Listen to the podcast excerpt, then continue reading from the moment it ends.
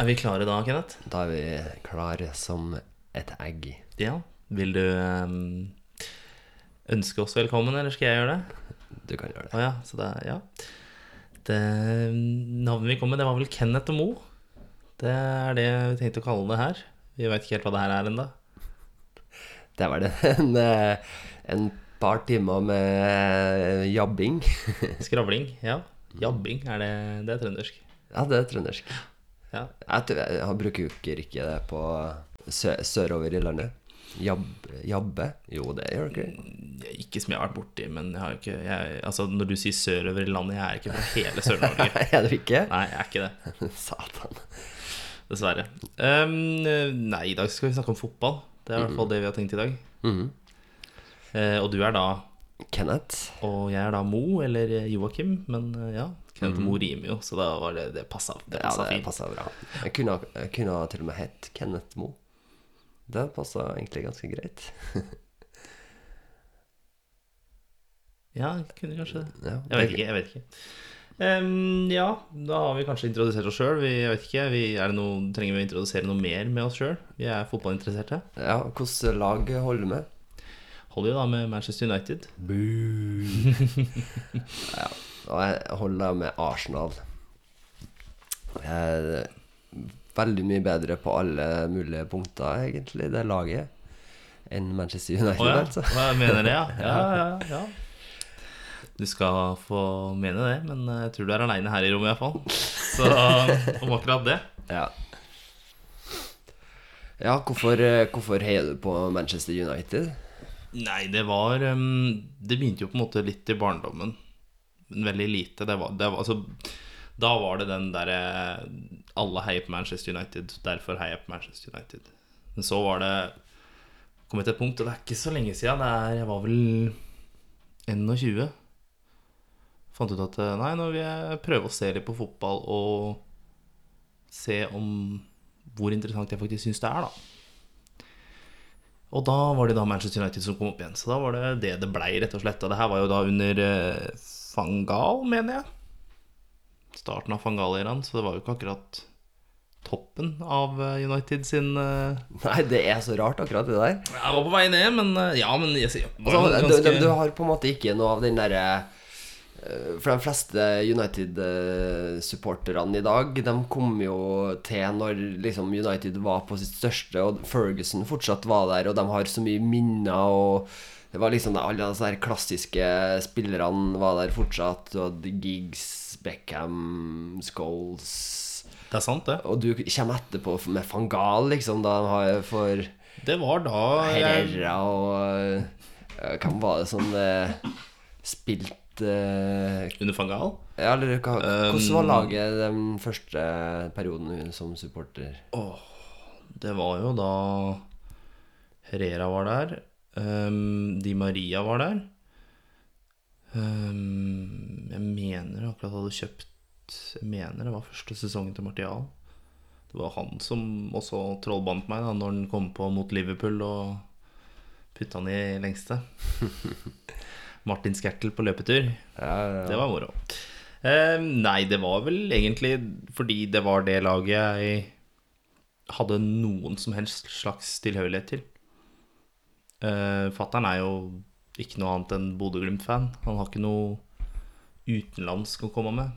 Nei.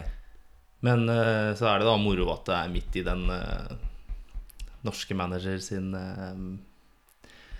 Hva skal jeg si Sin start i den karrieren der. Sjøl om det gikk på en liten smell. Nå Vi tar jo det opp det her på mandag, og da var det jo da søndagen som Det var en eh, kjempedag. Kjempedag for Arsenal, ja. Ja. Så på statistikken, eller eh, expected goals, som, da egentlig, som egentlig ikke har noe sånn særlig å si i fotball, så klart. Fordi det er de måla som blir scora, som teller. Men eh, United hadde 2,5, tror jeg, i expected goals. Og Arsenal hadde før straffa, som jeg for så vidt ikke er enig i, men det kan vi ikke diskutere, tror jeg. Um, så hadde de 0,55. Oi. Dæven. Ja, Så- det, det var en- det litt stusslig Det var litt stusslig kamp eh, for Arsenal med tanke ja, Sånn angrepsmessig, i hvert fall. Men jeg er faktisk enig med deg om at straffen var veldig billig. Altså. var, var, var svak, men det, det var John Moss, da. Den dommeren jeg vil ha ut av Premier League Men det skal sies, da, for at de bildene som eh, For han sto jo rett bak situasjonen. Og først når den hendelsen skjedde, så så det jo ut som straffe. Fordi det så ut som han eh, kom inn eh, bakfra og egentlig var borti den så mye at han mista balansen. da Enten om han var borti den eh, foten hans, eller For det var jo kontakt der. Ja, det var kontakt. Det var litt kontakt. Det og det var liksom, virka som han sprang på tvers liksom av banen hans og Ja, bare og mokka ned. Liksom. Ja, og, det var sånn, det, og det var liksom det dommeren så, da, og derfor han blåste. Det dommeren så, det, det Fordi, ja, fordi jeg så en kameravinkel der, der du så Det var rett bak dommeren, da. Og dommeren så akkurat det det, det så ut som på første fjernsynsbildet. Men sånn er det jo med Når du sitter og ser det på TV, så får du jo repriser i alle mulige vinkler, ikke sant? Og da Mm. ser du at uh, straffen var ganske billig. Men igjen så var det kontakt der. Det var urutinert av eh, Fred Ja, å det- det springe kan inn eh, sies. sånn i 16-meteren. Og veldig rutinert av Lacassette. Og eh, ja, om han ikke kasta seg, så Han gjorde han det- lett. Han datt veldig lett, gjorde han. Eh, men eh, det er det egentlig Det syns jeg òg er en litt bra eh, utvikling i forhold til eh, Arsenal, fordi som regel så har de vært sånn som at de skal holde seg på beina på død og liv i alle situasjoner. Og det har ført til at eh, situasjoner der det skulle ha vært straffe, ikke har blitt det fordi de har holdt seg på beina. Vil si den dere fikk mot eh, Spurs også var litt billig. Så klart Spurs fikk jo en offside-straffe, så det er jo en annen sak. Ja, Men eh, Sånn at, men, men poenget mitt er i hvert fall det at eh, jeg liker ikke når eh, spillere bare hiver seg og kaster seg og jukser og fanter på den måten der. Men, Nei, alle spillere men, gjør det. Så men, men, men sånn her, når det er sånne situasjoner som er eh, Som er så tvetydige som akkurat i den situasjonen, så liker jeg at de ikke holder seg på beina, for da er det at de da prøver å påvirke dommeren, og da prøver å jukse. Ja, men det er jo ikke juks heller, egentlig. Tror du det hadde blitt straffe hvis det var VAR? Som da kommer neste sesong i Premier League? Det er vanskelig å si. Vanskelig å si. Det, det kan ha blitt det, men det, det er ikke sikkert. Det Ja, er ikke alltid perfekt, det heller. Nei, det er litt tvetydig mellom eksperter. Jeg tror um, Jeg tror det kunne gått begge veier. Enten så hadde det blitt straffe, eller så hadde Alexis Nei, Alexis, unnskyld. Lacassette fått gult kort for, for filming.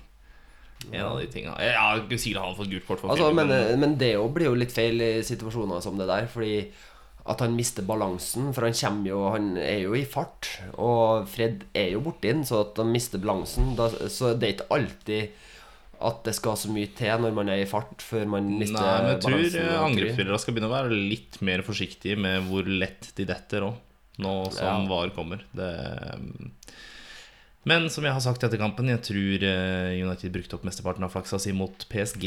Så da Ja, fy flate. Det var en artig kamp eh, å se på. Ja, det var eh, stemning under den kampen. Det var moro. Åh, Så- det, var, det var siste liten. Men, det, men så, sånn, sånn som jeg ikke liker i sånne situasjoner som det der Jeg vet ikke om du så uh, highlights av Westham uh, sin kamp nå. Mot uh, Hvem var det mot igjen? Var det Cardiff? Cardiff, ja. Ja, De tapte 2-0 mot Cardiff. ja. Og da eh, var det han eh, Chicharito som eh, var oppi Var oppi en egentlig ikke så ulik situasjon. Han Mm. sprang inn i boksen.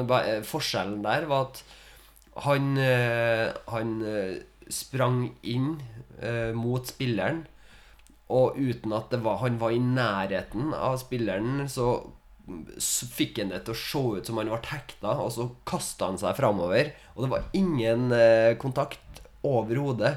Nei, det er jeg helt enig i at det er ikke, det er ikke greit. han, eh, han, men han fikk gult kort for filming òg, da. Ja. Han som eh, De har blitt litt mer oppmerksomme på sånne ting òg. Ja, men så akkurat sånn der type ting, det syns jeg er forkastelig. Ja. Men, eh, men jeg syns ikke det var det Lacassette drev på med, Jotun. For, Nei, han, for han hadde, kommet, hadde ikke Fred vært eh, borti den, så tror jeg han hadde holdt seg på beina. Det hadde han helt sikkert hvis Fred ikke hadde vært borti den. Men igjen, det blir jo kontakt innafor boksen. Det er jo en kontaktsport. Jo, jo. Så, men det er som jeg sier, vi kommer ikke til å være enige om det her, for du har uansett litt på deg Arsenal-brillene. Og jeg har også på meg Manchester United-brillene mine. Ja, ja. Så, men eh, det, det gikk nå som det gikk. Um, jeg var ganske skuffa etter kampen at vi ikke klarte å sette de sjansene vi hadde. Vi hadde noen ganske store, men um, det er litt som vi sier, flaksa var vel litt brukt opp. Og det, det må man leve med. Man kan ikke vinne alle kamper sjøl om man føler kanskje at man var det litt bedre laget. Mm. Men igjen så var Arsenal veldig gode bakover, så Ja. Sånn gikk nå det. Ja, det var egentlig ganske fint å se Arsenal, som har vært så ræva defensivt hele sesongen, egentlig begynne å komme litt eh, mer med bak i fireren der. Begynner jo da um, Sokratis og Korselny å danne litt mer partnerskap, og selv om de gjør litt rare ting iblant. Det, Det skal kan man sies. si. Mm. Ja, Det det- gjør jo eh, United-spillere òg. Lindelöf hadde ikke noe spesielt god kamp. Smalling var helt ok. Men eh, Nei, det, det, det Altså, da kan man jo dra tilbake til f.eks. Da var det jo veldig uheldig, men når United og Arsenal spilte i FA-cupen, Mm. hvor Ja, dere måtte jo bytte ut noen, men da ett bytte på stoppeplass Det var vel Mustafi inn for uh, Korselny eller noe sånt, var det ikke det? Eh, ja. Eller nei, det var Sokrates, ja. han- ja. Mm. Mm. Og da gikk jo da alt til helvete. Ja. ja Mustafi, han, han kan ikke være på banen. Er han bare Han er så elendig. Det er bare helt sjukt hvor mye feil han gjør. Ja, Så du er helt der at det, Ja, det er ikke noe håp? Nei, jeg, altså, han øh, Jeg skjønner at når det er såpass krise bak i forsvaret der som det er, at han- må bruke den i enkelte kamper, men det er livsfarlig å ha den mannen der som midtstopper, i hvert fall. For øh, han gjør altfor mange alvorlige feil som fører til mål. Eh, da er det nesten bedre å ha han på høyre back. Ja, jeg så han spilte det Eh, mot eh, Spurs. ja. Den kampen så vi jo sammen, for så vidt. Ja. Så For der, der, der gjør han også feil, men de er ikke De er ikke så gjeldende. Nei. Og jeg så jo det også, han prøvde jo å komme framover òg, men han har jo er egentlig ikke noe å komme med. Nei. Kom Krosse, Krossere som bare fer langt opp på tribunen. ja, det- Nei, det, Litt spesielt, egentlig. Ja, altså, han Jeg føler eh, de fleste stoppere burde kunne slå en ball fra sida og inn mot mål. Spesielt når, de, når det er så upressa. Han hadde en spesielt helt upressa hvor han slo ballen over mål og ut Mhm. på Altså Han var nede på høyre bekk, litt, langt, litt lenger ned, og så slår han den over mål og ut på andre sida. Nesten utafor 16. som går den ballen ut. Og det er sånn Har du ingen eh, Liksom Har du ingen Hva skal jeg si? Har du Nei, ingen, Jeg lurer på om han eh, i hele tatt øver på innlegg. Det, han kan jo ikke gjøre det. Det gjør han ikke. Nei. Det gjør han ikke. Det så vi der. Det burde han gjøre. Bekker kan også slå sånne, men eh, gjerne ikke så upressa. Bekker blir jo gjerne angrepet, altså, eller pressa, fordi de kan slå innlegg. Men det er litt sånn um, Tony Pulis uh, Becker omtrent, som, hvor han spilte egentlig med fire stoppere da han var med West Brom. Omtrent i bakre fireren. Så ja. Nei, eh, ikke så mye mer å si om eh, den kampen, egentlig. Men Vi kan jo ta da hvordan du begynte å heie på Arsenal. Eh, ja, det var i herrens år. eh, nei, jeg husker ikke helt eh, årstallet. Jeg lurer på om det var 2002 eh, 2003-sesongen. Eh, eller 2001-2002-sesongen. Um, ja, det var uansett på ungdomsskolen, og um, jeg var da Gikk i klasse med et par eh, som var skikkelig fotballinteressert, blant annet en uh, ihuga Liverpool-supporter. Uh, De var det jo en del av på den tida også. ja, det var mange av dem, Uh, av en eller annen grunn. Men i hvert fall så spurte han meg om, han, om jeg ikke ville bli med på Rix, å se kampen live på TV Eller ikke live, på TV. på stor skjerm. Ja, og vi gikk jo live, da. Ja, det det ja. gikk ikke i reprise. Det gjorde ikke det. Så um, Nei, da ble jeg med og så, Og så spilte Liverpool mot Arsenal. Da hadde jeg egentlig ikke noe engelsklag eh, som jeg holdt med. Det var en onkel som prøvde å få meg til å bli United-supporter fra ung alder av. Noe som er veldig merkelig, og med at eh, han er Leeds-supporter.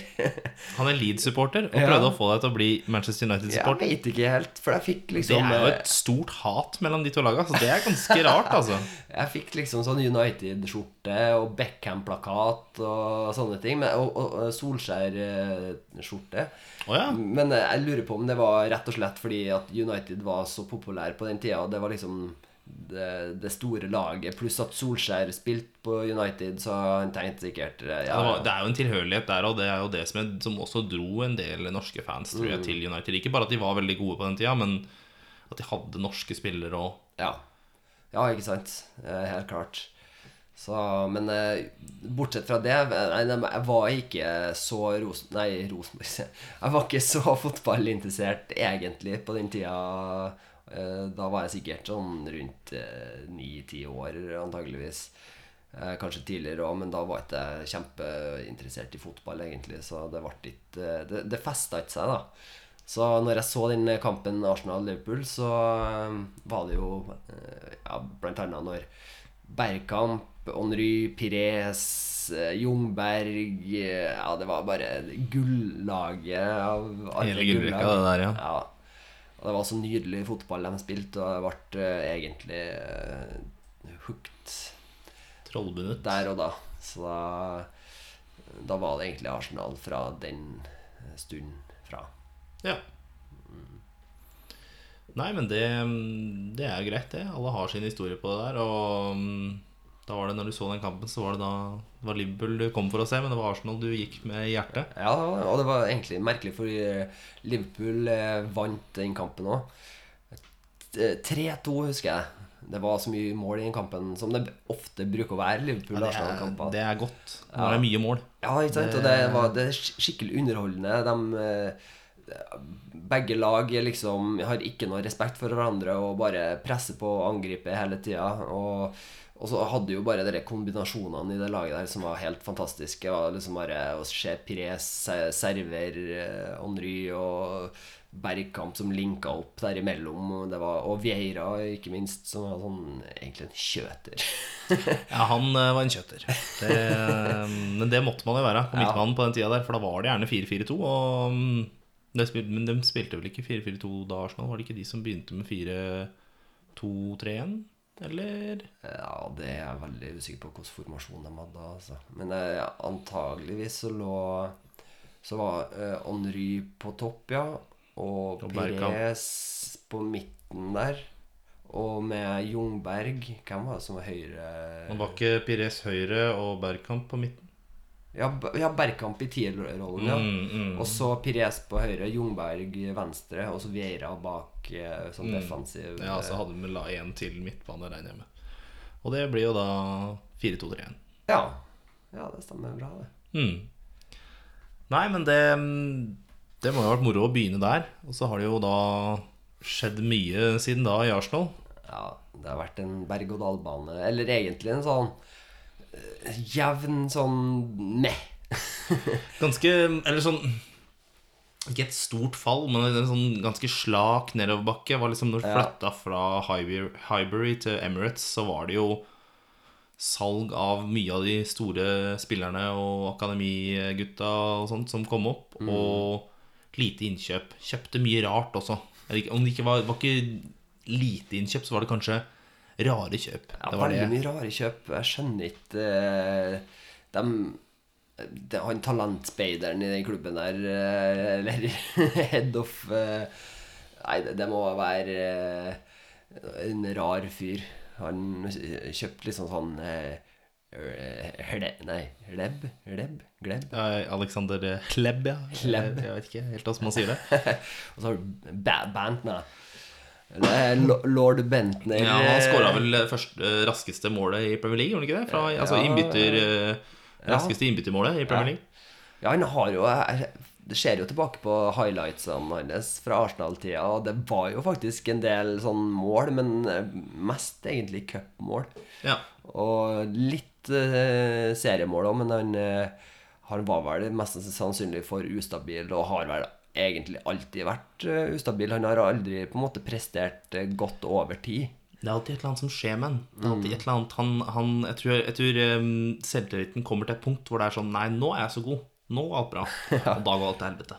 Ja, ja det må være noe sånt, altså. For han eh, klarer ikke å holde seg stabil. Han må ha no, en sånn indre motivasjon, tror jeg, som han eh, Og hvis han begynner å kjede seg, og alt er på stell, så tror jeg han eh, bare all, all lufta går ut av ballongen. Han er ikke helt eh, motivert kanskje til å bli til Om han blir god og scorer mål kanskje hver eh, tredje kamp, eller noe sånt. Jeg vet ikke hvor mye han scora, men det, eller at han scora et par her og et par der. Og så tenker sånn Ja, nei, da er det greit. Men så er det de spillerne som bare Nei, jeg skal skåre annenhver kamp. Nei, jeg skal skåre hver kamp. Ikke sant? Det, jo, altså, det er jo ingen som Det er ikke så mange som gjør det. Skårer hver kamp. Men de som gjør det, er jo Det er jo de beste i verden. Ja. Jeg vet ikke hvor interessert han er i fotball, egentlig. Jeg, jeg, tror, jeg tror han egentlig syns det er helt greit å spille på sånn middelmådige lag og være middelmådig Er ikke du Rosenborg-fan? Jo, ja, ja, ja, men, Du er- erkjenner at eh, Rosenborg er et ganske middelmådig Ja, lag? altså I europasammenheng Ja, så er de jo Altså de er jo under middels, egentlig. Ja. Så de er ikke De er en Ja, sånn nesten bunn. Nesten bønn. Ja, men ikke helt bunn, men nesten bunn. Det, det er jo sånn her De er jo et europaligalag, og de er, et, en, et, et lag som da kanskje kommer til gruppespillet, men ikke lenger. De, Ja, de eh, gjorde jo det nå sist i Europaligaen. Ja, ikke sant. Så jeg vet ikke helt hva som gikk av dem i den perioden der de kom til gruppespill i Champions League hvert eneste år, men det var jo Da var det jo Mini, vet du, og de gutta der. Ja, de hadde jo enkeltkamper der som var veldig bra, men sånn De var jo fortsatt, hadde jo fortsatt ikke kvalitet nok til å være eh, stabil over eh, lang perioder. De hadde liksom Men uh, den tida var også prega mye av at det var ikke så lett å se um, Altså Sånn som nå, så kan du jo finne Altså opptak av andre lag sine kamper. Se på det. Ja. Analysere det i hjel omtrent. Og bare Hva var det han snakka om? Han um, Leeds-manageren Åh, hva heter han igjen? Um, han gærningen. Bjelsa. ja, Bjelsa. Snakka om at han eh, til en, å forberede seg til en kamp, så var det Det gikk mange hundre timer liksom med video Han, han satt og så på laga. Og han kunne jo omtrent mer om laga som han skulle spille mot, enn det manageren for det laget Ja. kunne. Så det er en rar greie. Men det, i, i forhold til da hvordan det var før, hvor det var kanskje litt vanskelig å få tak i det opptaket, eller få tak i de opptaka, og det her var et litt ukjent lag Ok, vi har hatt en kar og sett på det og speida et par kamper, og han sier at han spilleren er eh, den som er på en måte den s- litt stjerna i det laget, men ja. så kan hende en annen spiller har uh, for eksempel hatt en dårlig dag og spiller mye veldig bra mot dem. For, eh, eller ja, at, at han gode spilleren hadde en dårlig dag for den saks skyld. Så det er ikke så lett ja. å finne ut helt altså, Du kan se på mål, og du kan se på assists, men du får ikke, du får ikke alt der. Nei. Nei, det vet det. Og det, det er litt uh... Men igjen, altså, hadde jo da Rosenborg enkeltspillere som holdt kanskje en høyere nivå enn de fleste enkeltspillerne på Rosenborg nå, da. Eh, Sånn europeisk nivå, i hvert fall. For de Vi hadde jo også flere um, norske spillere i større klubber Mm. på Eller i hvert fall rundt den tida. Ja, ikke sant? Og så hadde du jo liksom sånn derre Jeg, jeg syns jo mye av de spillerne Ja, eksempel Jan Derek Sørensen, Ørjan Berg eh, Skammelsrud Altså du hadde sånne spillere som i utgangspunktet da holdt et uh, greit internasjonalt nivå, selv om de var i Rosenborg uh, og spilte. De hadde bare Jeg vet ikke om de Hvorfor de jeg, jeg tror kanskje noen av dem hadde Jan Derek Sørensen i hvert fall hadde vært prøvd seg i utlandet, men det gikk liksom ikke helt Større eh, kulturforskjell på, også på den tida enn det det er nå. Nå er jo alle kulturer litt mer blanda.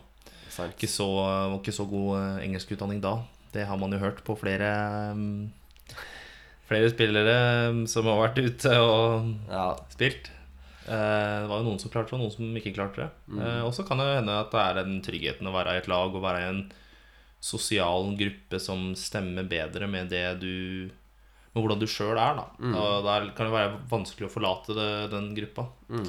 Altså, du, men du så jo i Rosenborg eh, Når de var i den Champions League-perioden, så hadde de jo eh, Hadde de jo enkeltkamper i gruppespillet som var eh, genialt. Men det var jo før da gjerne motstanderlaget hadde egentlig brydd seg noe om å se på Ja, som du sier, de hadde ikke noe video, så de tok dem litt på senga, da.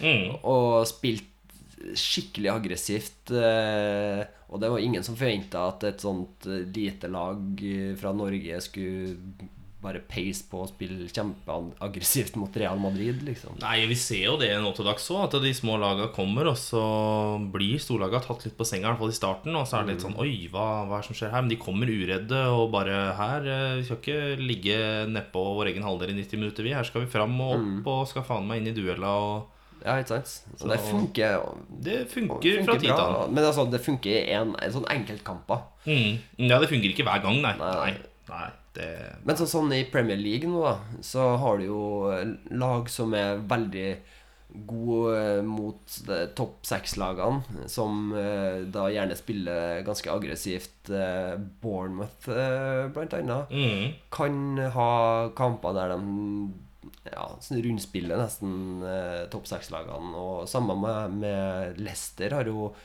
gjort det veldig bra mot eh, topp seks-lagene. Ja, de har jo en slags oppskrift omtrent mot eh, topplagene. Men det er jo et rent kontringslag. Um, nå får vi se åssen det blir med Rogers. Han er jo ikke noe kontringsmanager, sånn sett. Nei.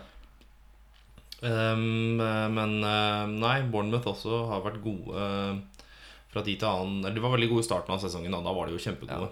Men eh, så har det jo kommet litt skader, og ja. Men de slo jo fortsatt Chelsea 4-0, så det, Ja, det er ikke kjempegøy.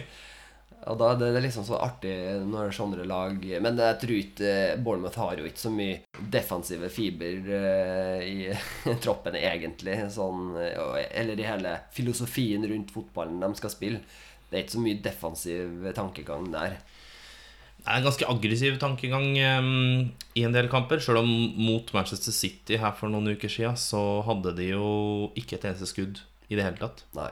De hadde ikke et skudd utafor mål engang. Men De da hadde var det null ja, skudd. Jeg vet, men det, akkurat den kampen der uh, var det vel eh, snakk om at eh, det, det virka ikke som de prøvde engang. De, var, de hadde bare bytta De hadde, forresten, de hadde noen skader, og så Ja, det har var de liksom nesten, nesten bare sånn at de lå bak og hadde fått beskjed om bare drit i kampen her. det, det er her Um. Det var nok mer eh, altså, mm, damage control, som man Mm. kaller det. Eh, for eh, er det noe City kan, så er det jo straffelag. Det er de ekstremt gode på. De har jo både fart og um, tekniske ferdigheter som, og, og samspill da, i laget som står høyere enn en del andre. Og når du da har i tillegg så gode spillere som er så samspilte, så er det som det er, da. Hvem tror du vinner av Liverpool og City i år, da? Jeg tror City tar det. Tror jeg. Enn du? Det hadde, jeg har så lyst uh, å si eh, at jeg tror eh, Liverpool eh, tar det, men eh, Hvorfor det? Hvorfor har du så lyst til å si det? Hva... Jeg vet ikke. Det er, det er bare noe med den derre underdog-greia der. Ja, sånn, ja. det, og så er City har på en måte vært på toppen Eller de har vært det beste laget så lenge, da. Ja, det har det. Og det har liksom bare vært forfriskende at noen andre hadde vunnet, selv om første året til Guardiola så var det vel Chelsea Ja, nå Conte Ja. var manager, så var det jo Stemmer det. Chelsea som tok det, så de har jo dominert hvert år, men Det blir andre året på rad nå. og Nå har de jo vunnet um, ligacupen. Er fortsatt med i FA-cupen og Champions League. Um, og fortsatt altså, ligger jo da på topp. ja, blir, blir ikke Guardiola den første manageren som har da tatt et eventuelt eh, seriegull to år på rad, da? Jeg regner med mener- at Fergie har gjort det før. Nei, for jeg mener at uh, det er ingen managere som har klart å ta det to år på rad. Skal vi se. Eh, Det ja, var interessant. Det skal vi finne ut av. for uh, det, det er jo litt med det at når du har vunnet gullet et år, så er det vanskelig å holde laget like sulten på gull året etter. Det er klart. Så Ferguson er vel den som har tatt flest titler med, som manager, men jeg tror heller ikke han klarte å gjøre det to år på rad. Så. Du skulle egentlig tro det, men uh... Skal vi se um, Mourinho har klart det. to år på rad? Ja. 04-05 og 05-06-sesongen. Står det her, i hvert fall. Um, og så står det at Ferguson vant 06-07 og 07-08. Ja. Ja, men da var ikke det så Ja, men det er vel de toene som har klart det, da, antageligvis. Det er ikke så mange flere, nei. Det tror jeg ikke. Ferguson gjorde det tre år på rad. 06-07, Oi, ok. 07-08 og 08-09. Da var det helt feil. Ja. Jeg skjønner ikke helt hvor jeg hadde det fra.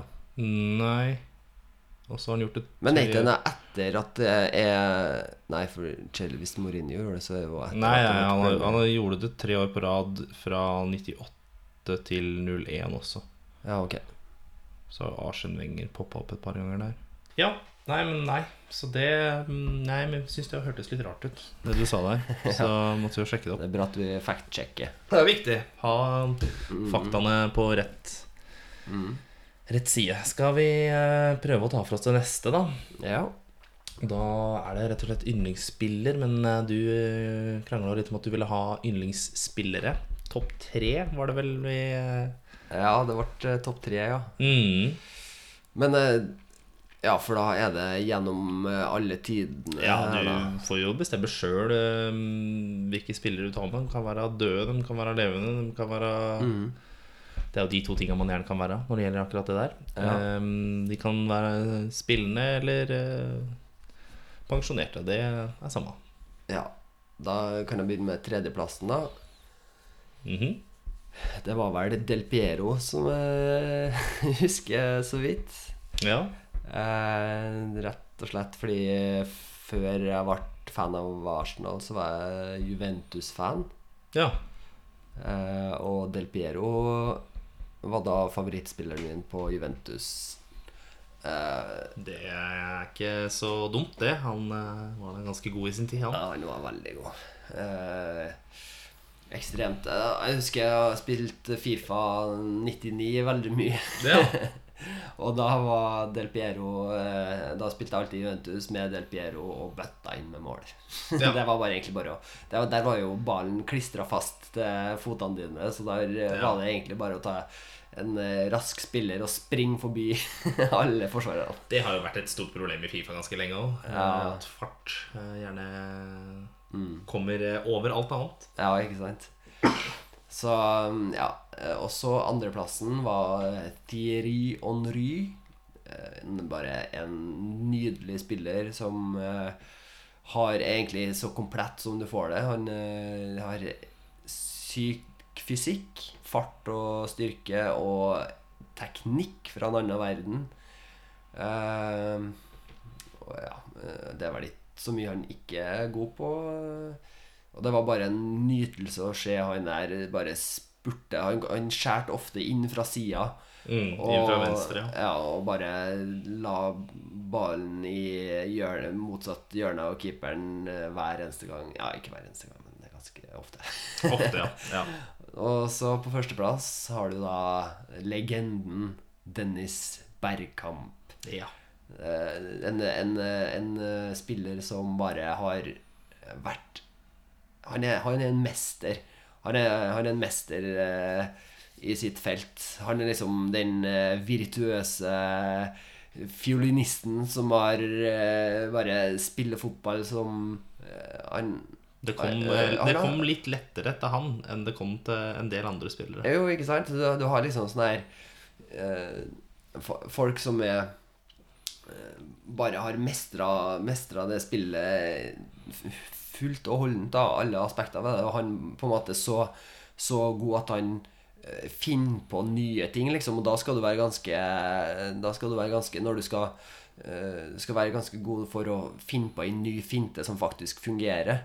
Nå, Ja. nå skal det si at, eh, sies at den finta han brukte på det målet det nydeligste målet i verden eh, mot Newcastle. eh, den eh, har han vel ikke gjort etter, etter eh, ver- Ja, Verken før eller etter, tror ikke jeg han har gjort det. mener han kanskje gjorde det mot um, Jeg husker ikke hvem det var mot, men um, Fikk en langball fra Altså på internasjonalt nivå, da. Oh, ja, ja. Mener jeg, men jeg er ikke 100 sikker om det var akkurat den finta. Eh, jeg veit ikke hvem du snakker om, hvor han demper ballen med høyrefoten så den triller forbi motstanderen på ene sida, mens han løp, vrir, Snurrer. ja, snurrer rundt motspilleren og tar ballen på andre sida da, og det må jo være helt eh, Det skjer jo så fort. Ja, sant. Og det Eh. verste er at du Jeg har sett det målet så mange ganger, og det var jo egentlig eh, diskutert opp og ned om det var faktisk det han prøvde på, eller om det var bare en sånn der eh, Om det bare skjedde. Skjedde, ja. For Mm, noen jeg, ganger så jeg lurer på om det var um, Man gjorde det i um, I VM også. Ja, Eller det- noe sånt. Hørte vel, jeg hørte vel et, et eh, intervju Eller nei, jeg hørte ikke et intervju, men jeg har eh, hørt snakk om et intervju med, av eh, han, nei, forsvareren som han gjorde det imot. Ja. Og han mente at det da umulig kunne ha vært planlagt på forhånd. Eh, men at det ikke tok noe vekk fra at det der var kanskje det mest fantastiske som har blitt gjort på en fotballbane. Eh, og, men han, hans argument var det at eh, han mente at det var ble bedre av at det ikke var planlagt, fordi at det ja, vil det skjer mer i øyeblikket. ja, fordi det vil si at det var en improvisasjon av en så høy klasse Mm. at du liksom For å på en måte fullføre det, da, så skal du Ja, ikke sant? Hvis, det er snakk om en, en, en mester i sitt fag. Han kan jo da improvisere hvis det skjer noe, og Mm. fortsatt få et eh, kjempebra resultat. Ikke sant? Da, Ja. eh, der har du kanskje Dennis Bergkamp, da. Så det, der har du den. Ja. Nei, men eh, jeg, jeg skjønner hva du mener. Det er jo eh, å gjøre noe i det øyeblikket som Når, når du sjøl gjør noe som du sjøl ikke forventer engang, Ja, sant? så kan ingen andre heller prøve å forvente det. I hvert fall når det skjer på den måten der, at du kan drite deg ut i det. Men han gjorde jo absolutt ikke det. Mm. Um, ja, jeg har liksom ikke kommet på så Når du sier tre stykker, så føler jeg Jeg har, jeg har ikke sett på fotball så lenge som deg. Mm. Er jo 26 og begynte jo for fem år sia. Um, husker jo ikke jeg de tre Jeg husker nummer én. Det husker jeg jo. Mm. Men vi skal ha to først. Vi kan vel begynne med um, Dave Saves. Med, altså David De Gea på tredjeplass. Mm. Um, han um, har sine feil på enkelte ting, som feltarbeid og Ja, han er ikke så god med ballen i beina, men du verden, og han har dagen, så, så slipper du ikke forbi. Det er det som er greia der. Det er jo eh, Det var jo Bestekompisen min, han eh, bruker alltid David Hea når vi spiller mot hverandre på Fifa. Når vi har sånn pick your own team og bare setter sammen laget helt Da skal han ha David Gea i mål, for det er da Buggyboy, som han kaller den. Det er da en- Du kan sette ballen så langt du vil mot krysset, men det går jo ikke da. Og det er jo Noen ganger så er jo da De Gea den personen også. Så han fortjener å være på en sånn liste kun fordi at jeg har aldri sett en så atletisk person fra å stå stille til å havne opp i et av hjørnene. Han er kanskje ikke så i form akkurat nå, men det kan ikke ta noe ifra det jeg har sett den mannen gjøre på en fotballbane. En fun, en fun fact eh, forresten angående De Gea. Når han først kom til United, så ble de litt sånn overraska over eh, hvor eh, Hvor sped og han var litt sånn bleik Ja. og han var liksom ikke noe særlig futt inn i det hele tatt. Så de bare sånn her Ok, hva er det? Er du syk, liksom? Eller eh, Og så må, måtte de finne en eh, Han han hadde vel ikke så mye energi heller, så de måtte liksom der finne, finne ut gruren. da Så begynte de å undersøke ja, hva, hvordan er kostholdet ditt og sånne ting. da Nei, så viste det seg da at uh, han spiste bare taco. Ja, det var kun taco. han var eh, til- spansk. Ja. Taco til alle måltider. Ja. Nei, det, nei, men han har nå grodd mye siden tida Siden fra han kom til United. Og um, Det um, Det sier litt når um, var det den sesongen han vant uh, gullhansken? Altså flest uh, Mm. flest reine bur i løpet av en sesong. Så hadde da statistikken expected goals, som jeg er veldig glad i, da som jeg kommer til å nevne sikkert tusen ganger flere i løpet av livet mitt, og sikkert den podkasten her um, Det var vel snakk om noe sånt som 16 mål. Som flere, da, som United egentlig Ja. skulle sluppet inn. Ja, det var helt sjukt. Det var sjukt irriterende, egentlig, den eh, sesongen der. Ikke minst på Fantasy, for det var egentlig de som bare hadde De Gea stående i mål hele sesongen, de sopa jo inn poeng Ja. for eh, eh, Men hvem som kunne eh, gjette at det der kom til å fortsette å skje hele sesongen, da? Nei, jeg vet ikke, er det bare mange som skifter keepere? Jeg spiller jo ikke noe særlig eh, fancy fotball. Er det mange som skifter keepere der, da? Ja, det er, det er nok Altså, egentlig, den beste taktikken er nok å bare la en stå hele sesongen mm. og ta en fra topplagene. eh, Ja, Sørge for å ta en som står Som du veit kommer til å stå ja. omtrent hele sesongen, og en som er da god. Ja. Det, ja. Men sånn Men ja, det er Men det, eh, men det er jo hvis, sånn Egentlig så Hvis du skal spare litt penger, da, eh, så er det jo òg en eh, taktikk å velge to billige, f.eks., Mm. eh, istedenfor én dyr. For da har du noe å rullere på. Eh, Det er sant. Men Kan ta de rette kampene. ikke sant? Mm. Og denne sesongen så har jeg valgt en taktikk nummer tre. Å, ja. Og ta en billig fast keeper og en eh, søppelkeeper som jeg bare har stående fast på benken. eh. Ja. Sånn at jeg har bare brukt veldig lite penger på keeper i år. Det har kanskje Det har det gikk bra første halvdel av sesongen, fordi jeg hadde Fabianski, og han Mm. får som regel save points. Han har jo også vært selv. veldig god. Ja, han har det. Og han får save points selv om de taper og slipper inn mål. Mm. Liksom. Ja, men han, ja, for han har generelt vært god. Jeg vil ikke si det er opp til han at de har sluppet inn de måla de har gjort. da Nei. De fleste. For jeg har sett uh, Har lest skryt av han flere ganger. Mm. Og det kommer ikke mm, ut av ingenting, det. Nei, nei, nei, han er god, men uh, Westham er jo ofte så sykt eh, dårlig i defensivt at de slipper inn så mange mål. Så har, sånn i andre del av sesongen nå så har ikke lyktes like godt å ha Fampianski i mål, eh, for å være helt ærlig. Men uh, hvem er denne søppelkeeperen du snakker om? Jeg hadde vel eh, i det, Altså søppel, da mener jeg rett og slett for at de ikke spiller. Ja, egentlig. hvem Button? Hvem er det han spiller for det? Uh, hva er det? Brighton, da? Andre keeperen til Brighton. Ja, ja, de har jo Matt Ryan, og han er jo Ja, og så var det vel det Så tok jeg inn Button fordi uh, han, Ryan skulle vel, eh, skulle vel til Asiamesterskapet, og da Ja. eh, Og da var Button Da skulle han spille noen runder. Altså Jeg fikk faktisk noen poeng på Button òg, da. Men eh, nå som Ryan kom tilbake fra mes- Asiamesterskapet, så har jo han spilt alle kampene igjen, så da er jo Ja. Verdiløs. Så nå har jeg faktisk bytta Button til eh, Broch Broch Broch Brook Jeg vet ikke. Han eh, Bournemouth-keeperen. Eh, de er jo heller ikke fantastiske. Boruc. Boruc er det. Han, ja. Ja. Nei, han er heller ikke noe eh, fantastisk keeper. Nei, det skal sies. det Skal vi prøve å gå til nummer to, da. Der har jeg jo da mm, Skal vi se eh, Hvis det skal bli noen, så må det bli da den eh, mannen som ikke er kaptein, men som fortjener å være kaptein for United akkurat nå. Det er Ander Herrera. Han er hata av alle andre enn United-supportere fordi han gjør mye rart på banen. Han gjør det. Og um, det legges veldig godt merke til når han gjør sånne ting. Men så kan gjerne motstanderfans skyve det litt under teppet når spillerne på dem sitt lag gjør de tinga som han gjør, da er da å ligge litt på bakken og Ja. kanskje ha en litt stygg takling og sånn, men um, han har alltid liksom vært um, Har alltid vært en av de som jeg har uh, sett på på banen, og at han, han gjør alltid en jobb.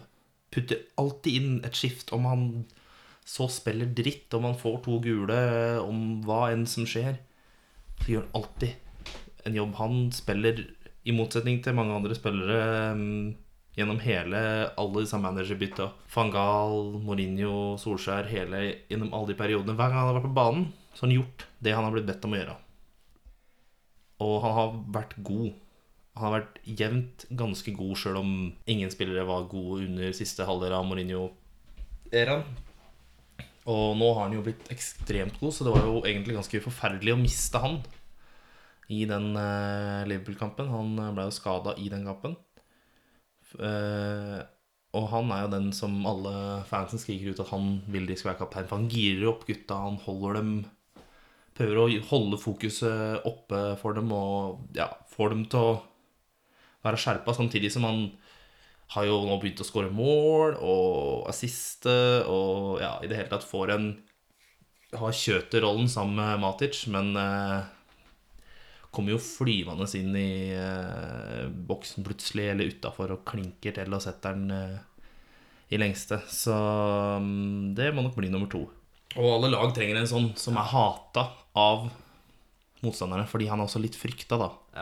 Med en gang du er hata, så er det Ja, han er veldig hardtarbeidende på midtbanen. Og det er liksom, han skaper alltid Han er flink til å bryte ned spillet til motstanderlaget og sånne ting. Så Mm. en, det er irriterende spiller å spille imot, ja. Ja, det, jeg tror det når du kommer opp mot han, og hvis han er på deg, så er det Han gir seg jo ikke heller. Han mm. Han kan er litt sånn Torreira-type, Ja. egentlig. Ja, jeg vil si han er kanskje hakket over eh, Torreira, akkurat sånn som Torreira er nå. Men Torreira blir nok bedre enn André Herrera på sitt toppnivå, sjøl om jeg syns André Herrera har et veldig høyt toppnivå. Men Torreira er vel gammel er han? 20 og noe? Noen og 20? Er det ikke det? Torreira har 22, tror jeg. Ja, ikke sant. Så hvis han fortsetter, eh, skal han opp, så blir det nok bedre. Men eh, nei Han har jo sagt det sjøl, Herrera, at han trenger ikke ha kapteinspinnet. For han Alle er sine egne ledere. Altså alle er ledere på banen. Han prøver bare å være det han kan for laget, da. Og det står det mye respekt av. Vi trenger flere sånne spillere i Premier League som ikke er så primadonnaer. Og som, fø- føler jeg da i hvert fall, som gjør det de kan for laget. Sjøl om ja, han filmer litt, og han er litt Men han, han gjør alt han kan for å fremme laget, uansett om det må Uansett om det ser jævlig ut for uh, motstanderfansen, da. Ja. Og de hater det. Det uh, Så det, det er nummer to. Og nummer én det er da mannen jeg nevnte i stad. Det er uh, Anthony Martial, som ble jo da døpt den eh, nye Thierry Henry. Han har jo ikke levd opp til det enda Jeg syns jo ikke det er så veldig ålreit å døpe eh, Altså nye, unge spillere opp etter eh, Nei, det var det De- for at han er litt sånn samme type spiller, da. mm. Og da blir det naturlig å liksom Ja, her kommer det en eh, Jeg tror hadde han vært um, Hadde spilt i den eraen, så hadde han nok vært enda bedre enn det han er i den eraen her.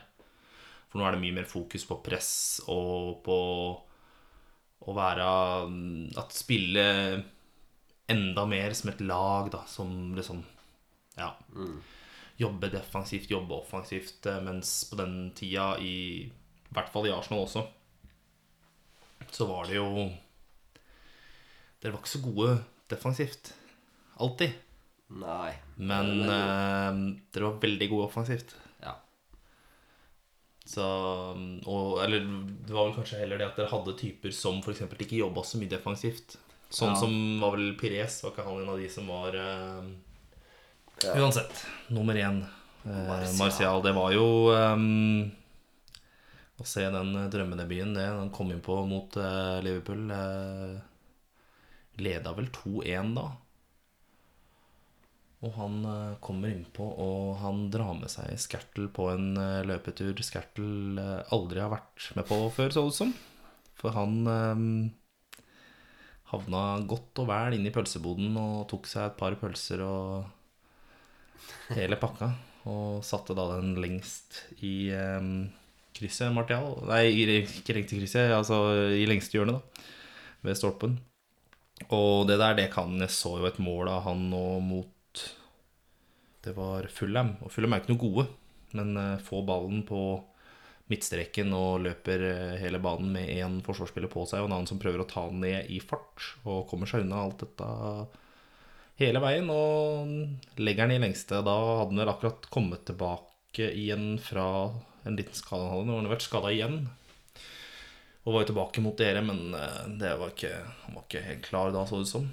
Nei, han spilte vel ikke så mange minuttene heller. Var Nei. ikke, så Men eh, han er jo også en spiller som er Har han en dårlig dag, så er han ikke så god, men på sitt beste så er han helt umulig å stoppe, omtrent. Da er det Ballen er limt til beina, og han Men han har vel til gode å prestere eh, stabilt godt over tid. mm, vel, han hadde jo en periode i sesongen her eh, faktisk der han skåra en del mål. Og, mm.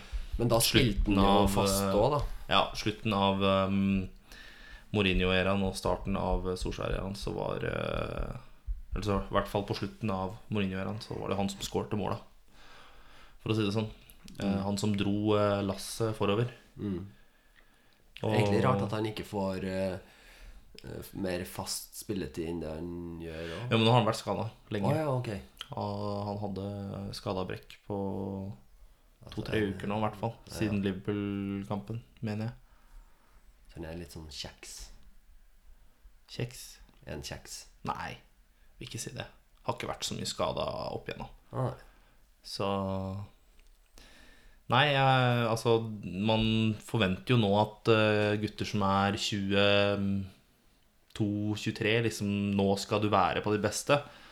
Men det er vel ingen fotballspillere som presterer på sitt beste før de er Eller i hvert fall svært få, da. Noen er jo bare freaks of nature som kommer på banen, og uansett hvem de spiller mot, så bare Ja, nei, nå skal jeg score, eller nå skal jeg være verdens beste midtbanespiller, eller verdens beste forsvarsspiller. Det er noen som er sånn. Men de fleste spillere har jo piken rundt 25-26, liksom. Eller da. Det er da. Det er der det kommer, da. Det er ofte mm, mange spisser, i hvert fall, som har de beste årene sine fra liksom 26 og 30. Mm. Det er da liksom de eh, Det er da de skårer mest, ja. ja, skårer mest. Fordi sånn kroppen og Eller det er vel det- hodet som modnes litt òg. De får Ja, bedre kroppen har- spillerforståelse i tillegg til at kroppen eh, piker, liksom. Mm, kroppen har kommet liksom til Nå er du på ditt beste. Og nå har da også huet mm, begynt å i hvert fall komme et godt stykke. Så blir de jo smartere hjerne som regel, da. Ja. Jo bedre det blir. Så jeg har fortsatt store håp for at uh, Martial eh, skal Signerte jo ny eh, femårskontrakt for litt stund tilbake. Så at han skal bli enda bedre, det tviler jeg egentlig ikke et sekund på. Nei. Han skårer jo ikke så mye mål på trening, så jo han og Solskjær snakka jo om det. Oh, ja. Skårer veldig få mål på trening. Sparer kruttet til kappa. Er det en, en bevisst taktikk? Nei, det er bare sånn det er. Ja. Men han er så kald i de avslutningsøyeblikka når han kommer. Det er, det er svært få situasjoner hvor han har kommet eh, mot keeper sånn. Hvor, hvor, eh, hvor det har gått eh, Eller altså hvor han ikke har skåret, da. Så der har vi alle topp tre. Um, det vi skulle snakke om i dag Eller det var ikke bare det vi skulle snakke om. Vi skulle jo snakke om det vi allerede har snakka om, for det meste. Men eh, et slags hovedtema vi hadde, var um, en eh, dokumentar jeg så på. Vet ikke om du har sett den ennå? Nei. Nei. Du har jo litt tid til det nå, så jeg skal i hvert fall få skrive til deg, så du kan se den, for den er ganske interessant. Ja. Veldig morsom og egentlig hyggelig dokumentar med litt Litt triste punkter òg, men uh, ja. Um, og det er da Keen eh, versus Viera. The Best of Enemies. uh, heter den. Ligger på YouTube for de som vil se den. Uh, og der var det da Keen som snakka om For jeg skal ikke snakke så mye om den uh, i seg sjøl. Det kan dere heller se hvis dere vil det. Og ja. Ja, rett og slett. Det, det, det, er, det én ting jeg vil snakke om angående det, som jeg tok ut derfra. Som jeg føler er veldig gjeldende nå, da, innenfor fotballen. Og det er eh, Keane som da ble spurt et spørsmål av Eller han ble spurt hva han syntes om at um, Fergie mente at semifinalen mot uh, Juventus i Champions League hvor han Jeg mener han scora blant annet Keane. Jeg husker ikke helt hvilke årstall det her var, men eh, det er ikke så nøye. Fergie mente at det var den beste kampen til Keane. da Hvor han liksom var overalt på banen og gjorde alt, så å si. Og Keane sa da at han ble egentlig litt fornærma av sånne ting. Fordi eh, han gjorde bare jobben sin. Og han kom da med en slags eh, sammenligning at du skryter ikke av postmannen din for å levere posten din. Og du skryter da ikke av fotballspillere for å gjøre jobben sin. Um, da var det et slags segment som da er um, postmann eller primadonna. Ja, jeg syns det er litt artig Det er artig det han sier. Det er jo, det er jo egentlig sant. Det er jo Det gir jo litt uh, I hvert fall med lønningene spillerne har nå. Ja, ikke sant. Og det er jo på en måte et Det sier jo litt om hans syn på det òg. Jeg skjønner jo hvis du har én kamp der du er utmerka, eh, sånn skikkelig gjør det bra, og alt klaffer, alt stemmer og sånne ting. Så det er jo det du vil som fotballspiller prøve på hele tida. Eh, Men det er jo ikke alltid det klaffer, da. Men det, hans eh, hans eh, kommentar var vel også litt beregna på dem som eh, ja, ikke er spesielt hardtarbeidende, som egentlig vil ha det litt tilrettelagt og er veldig sånn humørspillere. Som eh, hvis ting går litt på tverke, så bare gir dem rett og slett opp og driter i å jobbe og driter i å Ja. Ja. Hvem eh,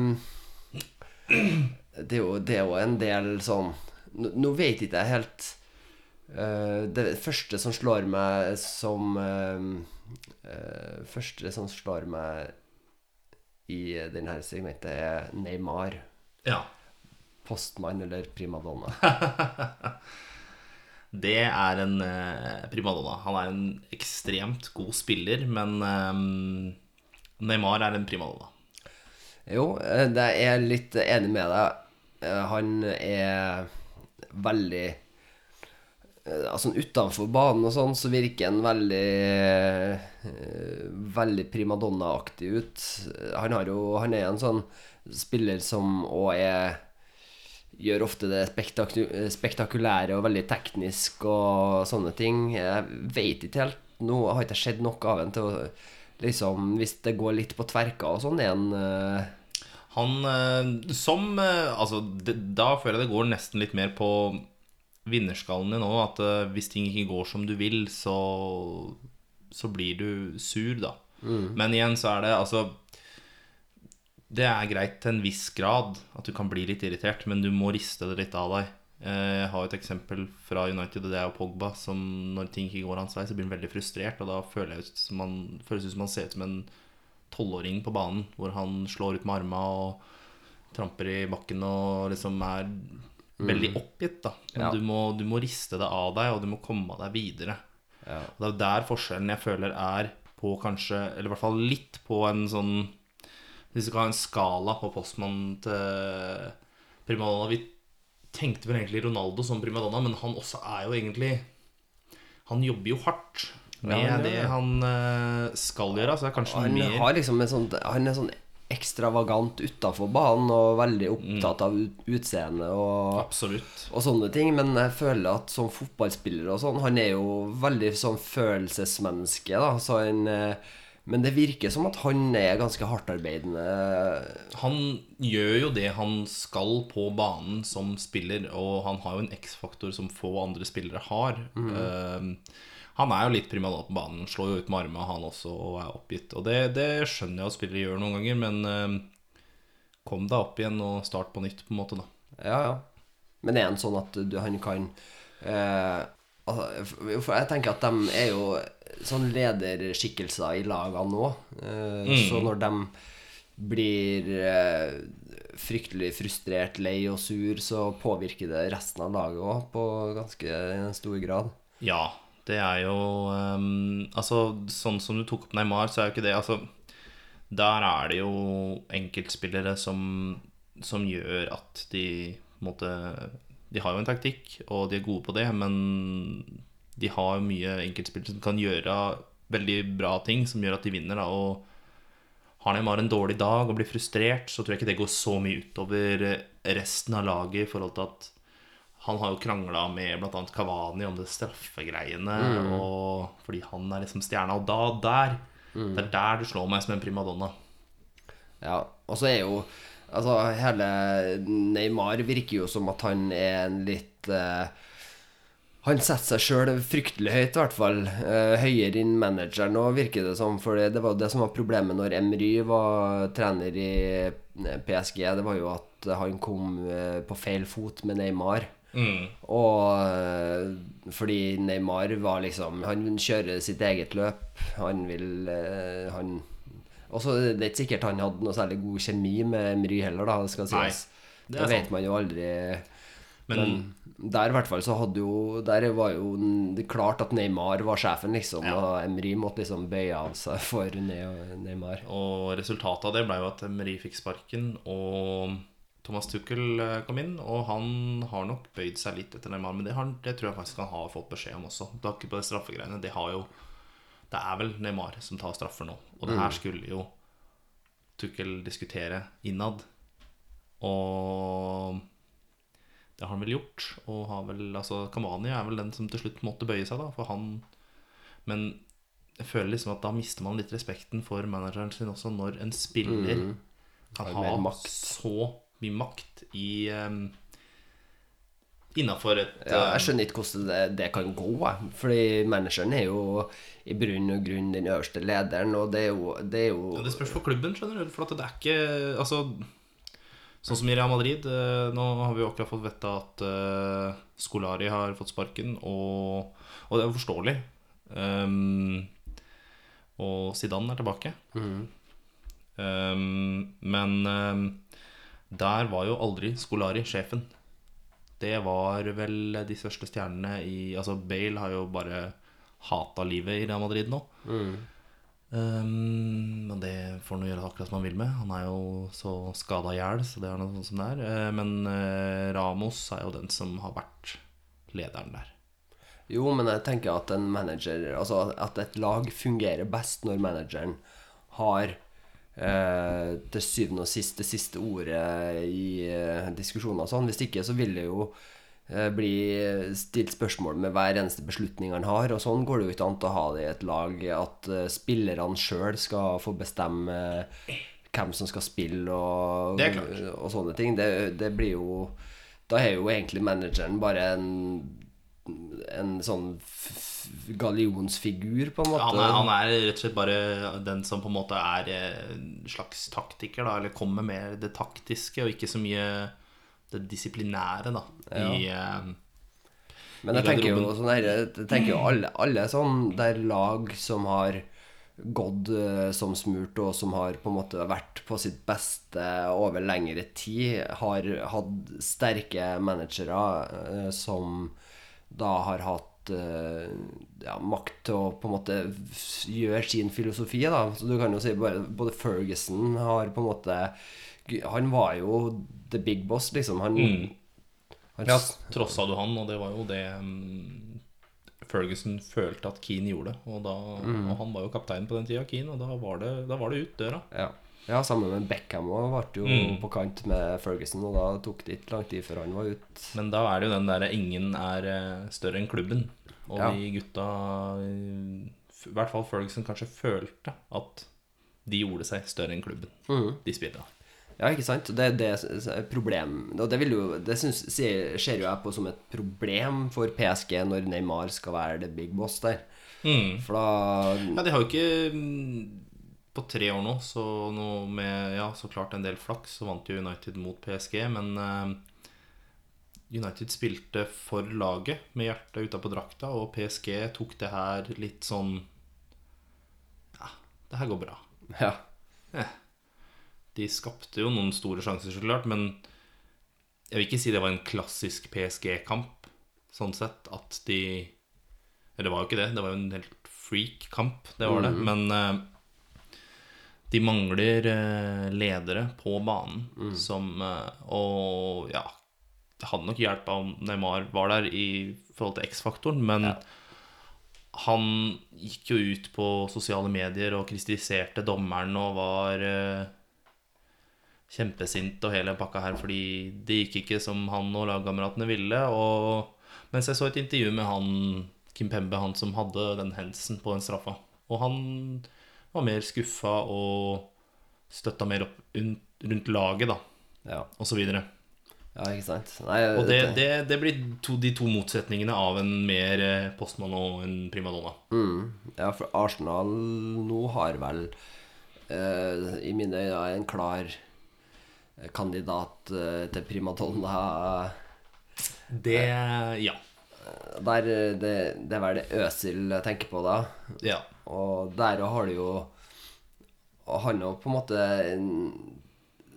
kom jo på kant med Emry. Uh, der òg var det jo den der greia med at uh, Øzil har fått, vært vant til å fått det litt på sånn som han ville sjøl. Han har fått spesialbehandling av uh, i hvert fall Wenger. ja. Han har jo ikke hatt så mange andre managere i Arsenal, så Nei. Og når Emry kommer, så var det jo en av tingene som Emry sa før han kom, at her alle skal være eh, Alle skal ha like muligheter til å eh, fortjene en plass på laget. Her skal alle bli behandla likt.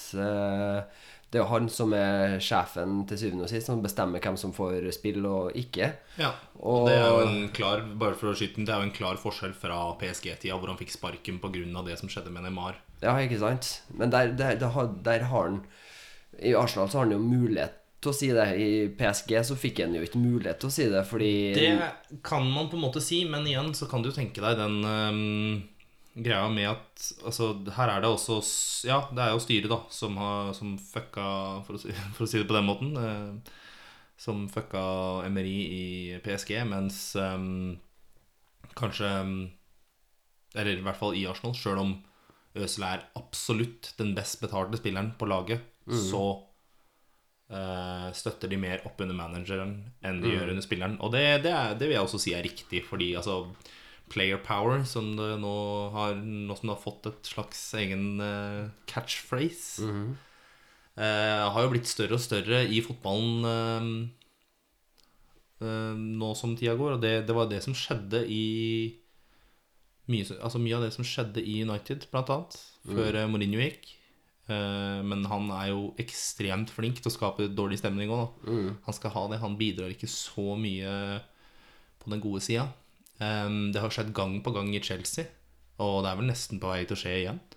Ja, det vil jeg påstå. Ja. Det er liksom eh, Ja, Sarri har jo sagt at det er ekstremt vanskelig å motivere de spillerne her. Og Og det tyder jo veldig på primadonna-faktorer, egentlig. Ja, ja, ja. Det, Men det har, du har jo en i laget da som er eh, postmann. Det må nevnes. Kanté må nevnes. Det er en postmann, altså. ja. Han er ikke mye, det er ikke mye flash og fint. Og det er jo gjerne de type spillerne som er postmenn også, disse arbeidskjøterne. Ja. De, de gjør så viktig jobb, og du eh, Sånn Arsenal gikk jo lenge uten postmann. Ja. Det var liksom eh, De har ikke hatt eh, postmann siden Ja, kanskje en ordentlig god postmann da, siden Vieira, kanskje. Mm. ja, han var jo liksom ikke noe han kan ikke- kalle han noe primadonna, nei. Det var eh, tøff i taklinger og gjorde det som skulle, men eh, Det var jo mye kontroverser rundt han òg, da. jo. Det, Så han var kanskje en sånn der Han gjorde den derre Han hadde postmannrollen, men han Mm, var kanskje mer en primadonna enn de fleste postmenn er, da. Han var en postmann på banen, men en eh, primadonna litt mer i kjeften og utafor Ja, banen. Da, ja. Det, det kan nok uh, sies, det. Mm. Absolutt. Vel, det er vel Toreira nå som kanskje er den nye postmannen i uh... Det vil jeg absolutt si. Han uh, Og jeg vet ikke helt hva man Ja eh, Gendos Gendus, Gendusi Han uh, Han vil jeg òg si er litt postmann, altså. Jo, men så har du denne mm, Nå har han jo ikke gjort det så mye i det siste, men han har jo hatt et par sånne filminger og sånn, og da der får du litt fort eh, Han fikk jo det filmingstempelet, og det mm, er, ja, Gendusi, det? Ja. Fått gult kort for filming, i hvert fall én gang. Ja, ok. Ja, det har ikke jeg fått med meg. Nei. Um, og Man kan si at det gjør deg ikke til en primadonna, men Og at man Ja, det, er, det, er en, det er et primadonna-nykke. Det er det. mm, mm. Absolutt. Men han er eh, Han er litt eh, Ja, han er jo en sånn type eh, Kanskje litt i midtsjiktet der, primadonna postmann, fordi men han gjør mye av grovarbeidet på banen. Han er veldig flink Mm. til å jage etter ballen og gjør mye viktige taklinger og sånne ting, men eh, Det har vært utrolig for Arsenal eh, hittil. em, Også- med tanke på at han var vel egentlig ikke kjøpt inn til å være noe første A-lagsspiss Nei. Nei, spiller, nei. det var jo, han jo, kom, jo rett fra andredivisjon i Frankrike. Mm. Så det var jo egentlig ingen andre heller som tenkte at han kom til å være en spiller som gikk rett inn på laget, liksom. Men det var tydeligvis Emery bare bestemt seg. At du skal inn på uh, førstelaget og eh, Men det, det er jo litt sånn at det er viktig for unge spillere å få tid til å utvikle seg òg, da. Og Det gjør man jo hvis man liksom du har jo et potensial der for eh, litt tabber og urutinert spilling, men eh, hvis du bare gir dem eh, du bare, ja, Uansett om du gjør en tabbe, så får du likevel start neste kamp, og liksom sånn for å gi dem en, den tryggheten. da Det er veldig Ja. viktig for utvikling av unge spillere. Ja, ja, ja. Og det mm, Det er jo nettopp det. Og midtbane spesielt da, er jo et sted hvor man har på en måte litt råd til å gjøre sånne ting. Ja. Du har det. I forhold til Altså På spissplass så er det sånn Du har ikke råd til å ha en spiss der som Som ikke, ikke klarer å skåre mål, ikke makter å skåre mål. Liksom det, det Det er jo litt sånn eh, skremmende egentlig med Arsenal for tida nå, fordi verken Lacassette eller Aubameyang har skåra på veldig lenge. Eller de, Ja, scorer, de sliter så gæli med, dem, eh, med å komme seg til eh, sjanser. Hvis de kommer seg til gode sjanser, så bommer de på Ja. mål, liksom. Det, Jeg fikk høre det av han eh, kompisen min også, at det mm. Det um, har sett sånn ut i det siste. Ja. Så, men da, da igjen, da må jo noen andre ta ansvaret, og det Rashford hadde jo en god periode hvor han skåra en del mål, og så har det ikke vært så kjempebra i det siste. mm. Uh, gått litt eh, Vet ikke, akkurat han har gått litt tilbake til sånn han var under eh, Under Mourinho, hvor det er litt altså, skudd fra litt tvilsomme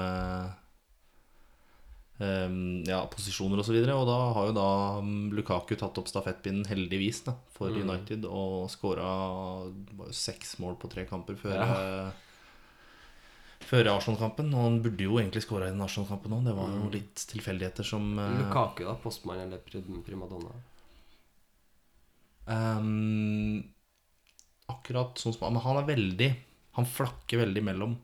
Mer postmann nå enn det han var når eh, Altså, han var jo veldig, jobba veldig godt under um, Under Mourinho.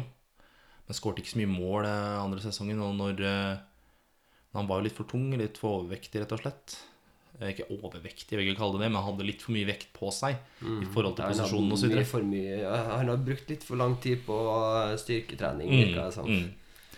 Eh, Men han har sett veldig frisk ut i det siste, og veldig våken. Og så jo mot Southampton når han skårte vinnermålet og røska av seg skjorta. Det var jo ikke Han har blitt eh, smalere rundt midja Ja. og tatt av litt vekt. Men nå er han postmann, nå jobber han hardt. Og, men når Solskjær kom og vi, han krevde det presset da som vi skulle ha, så var ikke Lukaku den mannen, altså klarte ikke å være med på det presset. Og har vært mye mer involvert i det presset det siste. Og det, det hadde jo nesten avskrevet hele mannen, for å være ærlig. Og det var jeg var ikke den eneste om det.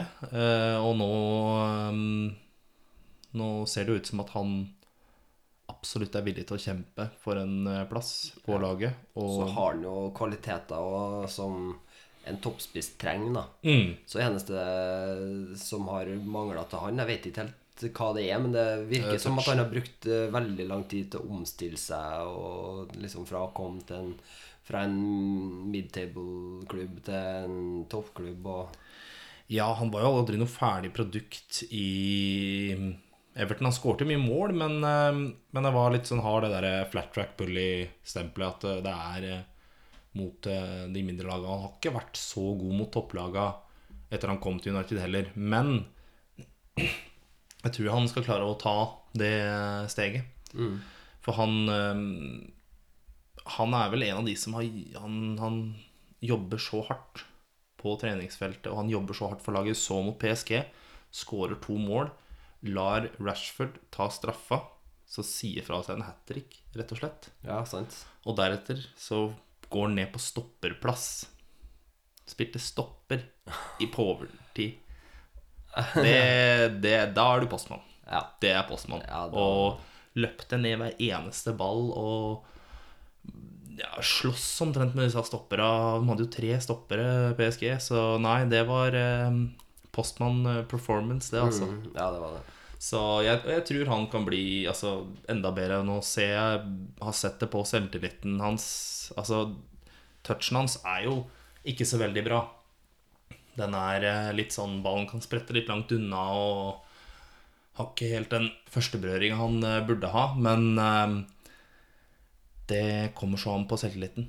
Mm. Det er helt Sånn som mot Arsenal, så satt det så bra ballen i beina på han. Satt, liksom, og da ser du at da, da, da er han full av selvtillit. Men med en gang, eller ofte når han har litt dårlig selvtillit, som han hadde i starten under Solskjær, da fløy ballen spratt fem meter i en retning liksom, av foten hans. Og det, det er det han må jobbe litt med, da. Men, eh, men han er veldig, veldig sånn Altså selvtillitsspiller, da. Har en god selvtillit, så så går det bra. Men Solskjær ga ikke opp og har gitt den litt tid på seg, egentlig. Jeg syns kanskje det har vært det beste. At han fikk litt tid på seg til å ta av seg den vekta og ikke legge alt ansvaret på at han skal skåre måla. Rashford begynte liksom med det, og han som fikk starte, for han var den mest mobile spissen. Mens nå, eh, i siste blant annet mot da mm, Arsenal og mot eh, PSG, så spilte de i spisspar. Det er noe jeg kan eh, like å se igjen. Mm. Ja, det kan bli um, skummelt. Det, men nå har han også fått spilt mer rettvendt, da, og han gjorde jo ikke det under Mourinho. Skulle spille som, en, eh, som et oppspillspunkt, og han er ikke det. Nei. Han Nei, er bare er ikke det. Nei. Har vi noen flere Har vi noen sånn skikkelig primadonnaer som kanskje spiller for en klubb som Som ikke er så stor, da? I hvert fall ikke, ikke liksom toppklubba i en liga. Vi er jo mest kjent i Premier League, da, vi, da. Så Det var vel nevnt eh, Arnautovic. Ja, stemmer det. Åh, det rasset der. ja, han er primadonna. Ja. Han er veldig primadonna. En liten og eh, Han er sånn et, Han virker litt sånn rasshøl òg. han er ikke bare primadonna. Men Han, eh, han er i hvert fall, eh, som du har nevnt før, at han mener kanskje sjøl at han er bedre enn det han faktisk er, da. ja. Han har litt Zlatan sin selvtillit uten å ha Zlatan sine ferdigheter. Ja, ja. ja, helt klart. Nei, Arnatovic er et eh, han, han eh, som du sier, er nok mye større i sitt eget eh, hode enn på banen.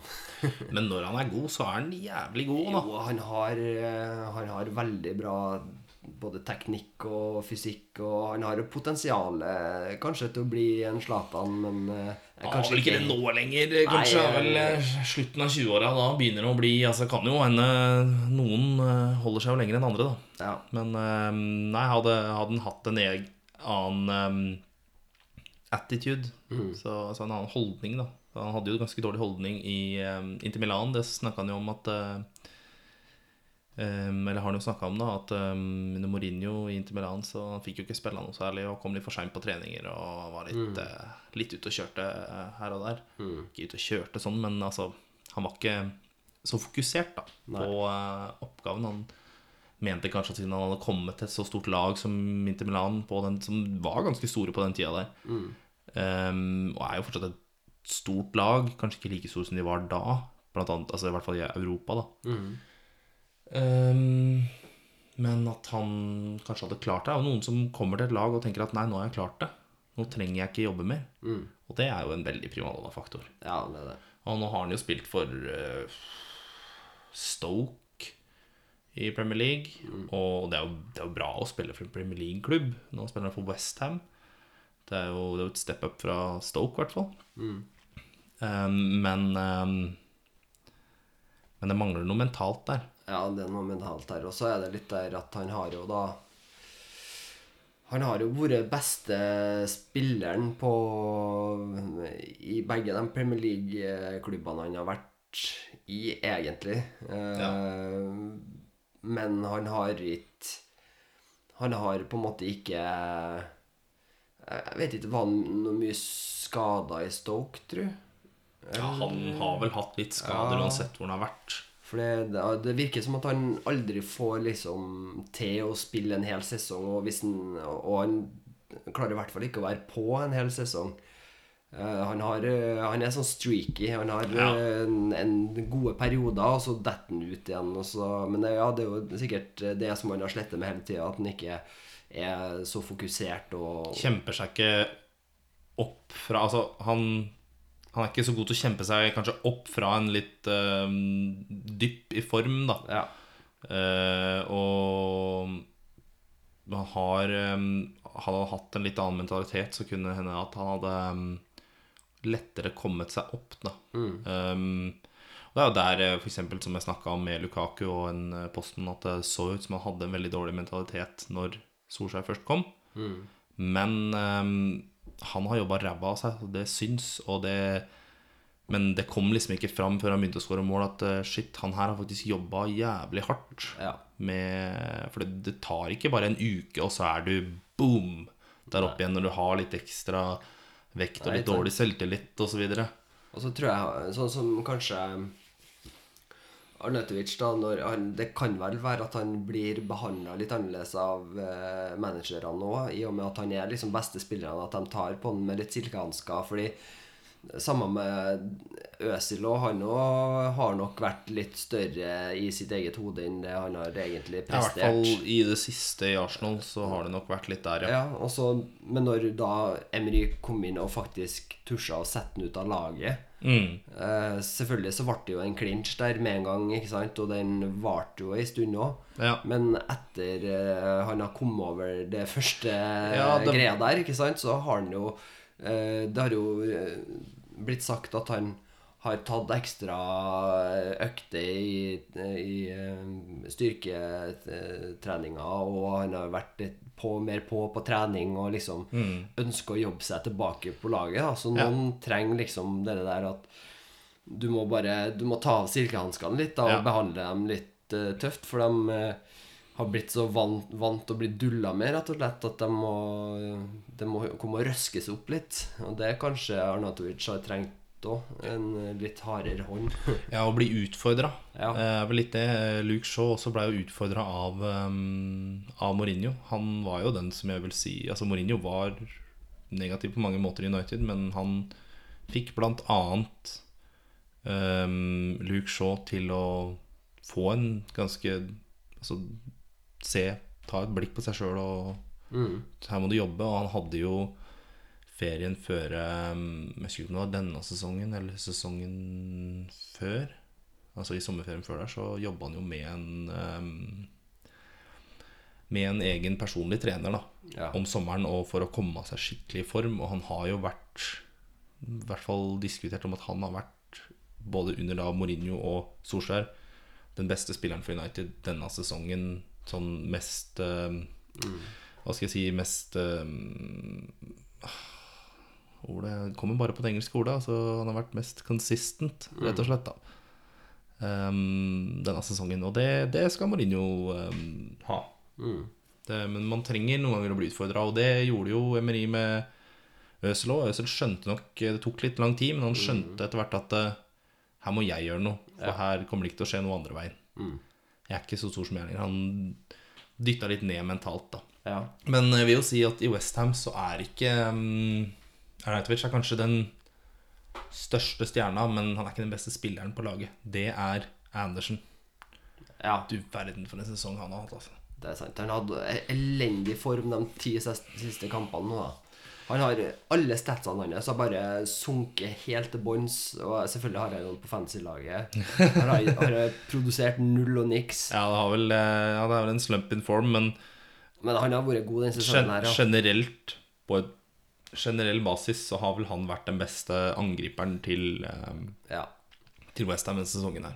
Det er sant. Men det, det er liksom sånn Og tenker jeg at det er lettere for en f- For jeg tenker at Arsenal ikke har vært så avhengig av Øzil, da. Eh, som kanskje Westham er av at de har en eh, spiss eh, som Arnatovic som presterer godt. Sånn at de kan, kan kanskje ikke ta seg råd til å ta av seg av silkehanskene med Arnatovic eh, for å få han til å prestere. Eh, de må liksom holde han eh, fornøyd, så at han Og prøve liksom eh, Prøve liksom å få han til å ja, yte bra likevel, da. Så, men det funker liksom ikke, for dem Det, det, det er litt sånn her maktforholdet mellom eh, spiller og klubb, eh, tenker jeg. Ja, det er sant, det. Det, mm, det, er, et godt poeng. En annen som jeg vil kalle primadonna for et ganske lite lag, det er um, Anthony Knockert. Ja. Han har litt sånne primadonna-faktor. Han har vært litt ute av laget i eh, Brighton, som han uh, spiller for. Mm. Og litt sånn inn og ut og komme bare få litt innhopp. Og, for han har ikke vært så god, og han har kanskje ikke jobba så mye som han trenger. Så så jeg nå, satt og så um, Satt på en pub her om dagen, og så bare, det gikk bare reprise da, av en fotballmatch.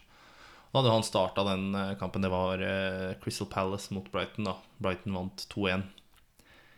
Og da står han ganske høyt oppe da og får ballen eh, på, ut på vingen der. Og så da gjør han det han kan best. Han løper nedover litt langs linja og nærmer seg boksen, så han løper jo rett mot spillere. Han er jo ganske skummel sånn på sitt beste. Så skjærer han inn, og så setter han den så langt ut i krysset som du får det, altså. Det var så nydelig å se på, og der er det liksom Det er det Det er derfor man har enkelte primadonnaer på laget òg. Fordi de gutta som regel har såpass selvtillit at de klarer å prestere ja. på et sånt nivå, da. Sant. Mm, Men sånn som For å nevne et annet lag da som eh, kanskje ikke har em, noen primadonnaer. Det er jo ikke alle som har det. Altså, en del lag har jo gjerne en primadonna, men eh, Burnley, eksempel. Mener du det er noen primadonnaer der? Oh. Nei, det virker jo ikke sånn, da. Eh, men der, der er det nok eh, et lag av postmenn, tror jeg. Men der, eh, der har de nok Det er jo litt sånn Burnley i seg sjøl er jo et Jeg tror ikke det er et lag som tiltrekker seg primadonna heller. Det er det ikke, nei. Det, det skal sies. De spiller ikke veldig attraktiv fotball. De gjør Nei. ikke det. Så der tror jeg du skal slite eh, ganske hardt hvis du er primadonna og kommer inn der. Og så kan det være at hvis du er litt primadonna og kommer inn i den kulturen der, at du fort eh, snur på flisa, for du har ingen eh, andre og primadonna der, så du liksom Nei, det, det er sant. Um, nei, kanskje ikke noen der. Har vi noen flere lag som kan dra fram? Derfor jeg føler at ofte de primadonnaene, i hvert fall i sånne midt til bunnlag eh, Ofte er spillere som blir henta inn for eh, litt større summer enn de egentlig Enn de egentlig er verdt, ja. er er verdt, ja. Og som er liksom der for å tilføre laget en X-faktor. Eh, og som Ja, som også da er veldig klar over det her når de kommer til den klubben. Og Litt for klar over det, kanskje. ja. Og så tror de at de er liksom Ja, her kommer jeg på treningsfeltet og drar din finta eh, hit, og du, har liksom Ja, nå skal jeg vise dere hvordan ordentlig fotball skal spilles.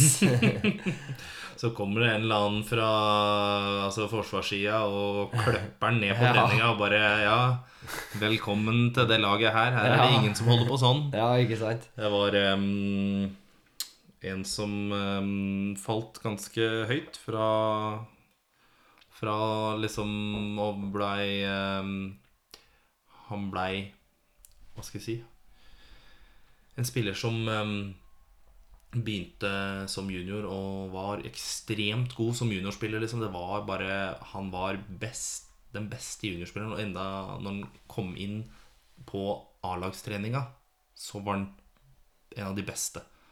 Og det her, det er da Ravel Morrison for Manchester United. Har du, har du ikke hørt navnet? jeg har hørt navnet. Nei. Um, det er kanskje ikke så rart, for uh, han ehm, Han var såpass god på treningene at han, han leika med enkelte A-lagsspillere på Manchester United Oi. på treningene. Liksom. Han eh, Helt rå, og han var jo kjempegod på juniornivå, men der skjærte alt seg. Mentaliteten Han begynte å henge med litt feil folk, og mentalt så gikk det litt dårlig. Han var litt i Westham, ble solgt dit blant annet. Eh, De tok den beslutninga i United. Så det her eh, går ikke, liksom. Det å havna i litt feil miljø. Og har egentlig aldri vært Blei aldri en stor spiller. da Han var jo Fikk jo et enormt press for at det her er liksom en av de nye stjernene for det engelske landslaget og, og sånn. Men eh, nei. Det gikk aldri, og det, det er litt sånn Hvor er den nå, da? Nå spiller han vel i Reading, tror jeg. Hmm. Husker ikke helt om det var det. Jeg skal ta en liten sjekk på det. Men eh, nei, det var um, men, det, men det er rart å tenke på at når man Altså, det er jo noen som er kjempegode på trening og ikke er like god i en fotballkamp, men man snakker om å leike med spillere som på den tida da var ekstremt gode og kommer inn på A-lagstreningene som Mm. en av de bedre spillerne der, og så går det så dårlig. Ja, det er veldig merkelig. Du har jo en han Sadio Ber... Spiller for um, Østersund i oh, Sverige, nei. faktisk. Jo, men han er jo nå um, vi ser hvor gammel han er. Han er 27 eller noe, tror jeg. Ja. Så 27-28. ja. Nei, du har jo 26, han, ja. ja. Du har jo han Sadio Ber Berinho. Ber Ja, ja. Bereino, ja. Han er jo en sånn eh, fyr som alltid har hatt et eh, kjempetalent. Eh, Som er, har liksom utrolige egenskaper og sånne ting, men som aldri får utløst det siste delen av potensialet som gjør at han eh, kan prestere bra i en, en Premier League-klubb. da Ja, han begynte jo Hadde jo en sånn skikkelig breakthrough season for um, West Brom. ja. Mm. Skårte en del mål der. Så ville jo Spurs hente den, og han ville jo til Spurs. Mm. Men jeg mener det var Pulis som var manager da, som sa bare nei. Du skal være her. Mm. Og hvis du ikke, hvis du ikke skjerper holdninga di, så blir du sittende på benken. Og han blei jo direkte feit, omtrent. Bereino.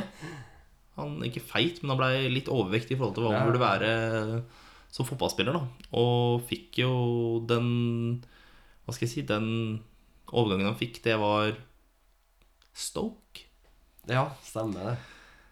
Det Han falt. Ja, han falt. Han kom seg aldri opp igjen heller. Nei. Han eh, Merkelig. Det er liksom sånn Det der må jo være en eh, vitenskap, for det, og det må jo være forska på hvorfor enkelte da aldri klarer å ta det siste Det er, men det er, der var det mentalitet hele veien. Det var det. Han ville ikke jobbe for laget. Han, han ville ha den eh, overgangen. da Ja. Og mm, når du er under kontrakt altså, Ja, man skal respektere spillere til en viss grad, men som spiller så skal du respektere at du er under kontrakt med et lag. Ja. uh, og Spurs har jo aldri tilbudt noen sånn voldsomme summer for spillere heller, da. Det skal sies. Um, det hadde jo vært et sånt skikkelig kjøpelag. De har kjøpt ålreite spillere og prøvd å gjøre dem bedre. Og tatt opp en del gjennom sitt eget ungdomsakademi. Men jeg tenker jo at eh, liksom sånn, for en sånn spiller som har lyst til å videre til en stor klubb, så har han jo alt å vinne på å prøve å gjøre det beste eh, både for seg sjøl og for laget og spille bra fotball, liksom. For da vil han jo bli plukka opp og mer attraktiv eh, av andre klubber òg, men det er kanskje ikke eh, alle som tenker sånn. Det, det er um, Problemet der er at de tror de er større enn det de er, og det har vi jo diskutert fram og tilbake et par ganger nå. Det Mm. Jo det som skjedde med Saido Bereino. Det har jo, um, kan du ta et annet eksempel, og det er jo um, Balotelli. Han er jo absolutt en primadonna. Det er jo um, City-perioden hvor uh, han dro opp uh, skjorta og Why Always Me. Hadde det under, og um, Vet ikke om du har sett den derre um, han skal, kommer liksom mot mål, og så skal han uh, gjøre en piruett og backheale ballen inn, og så går jo den bare utafor. Nei, nei. Det ser, helt, det ser helt forferdelig ut. Det er bare blir bytta ut tvert av Ja, det det, Ja, ja, ja. Det der går ikke, liksom. Det, og i Liverpool også skåret han vel ett mål, tror jeg, eller noe. Der også Det var helt forferdelig. ja. Han var jo så god for både Altså for AC Milan Jeg, mener, jeg vet ikke om han spilte på intro, jeg husker ikke. Men um, også har han jo spilt i Nice i um, ligaen. Og da når Viera, som vi snakka om tidligere, kom inn som manager for NIS, så sa Viera at det her går ikke, Voltelli. Du jobber ikke bra nok. Det vil ikke ha deg på laget. Og så ble han da solgt for en veldig lav sum til eh, Marseille, og der har han da begynt å score igjen. Han scorer jo uansett hvor han er hen, det skal sies. Bortsett fra da i Liverpool. Ja. Og Jeg vet ikke om du har sett det heller, men eh, jeg følger altfor mye med på, på sånne ting. Og da var det um, Han skåret et mål her forleden. Og da fikk han en telefon, og så tok han opp, og så filma han det på Instagram. Uh, altså feiringa med, med det, er, det er en sånn ting som noen syns er eh, forferdelig teit osv.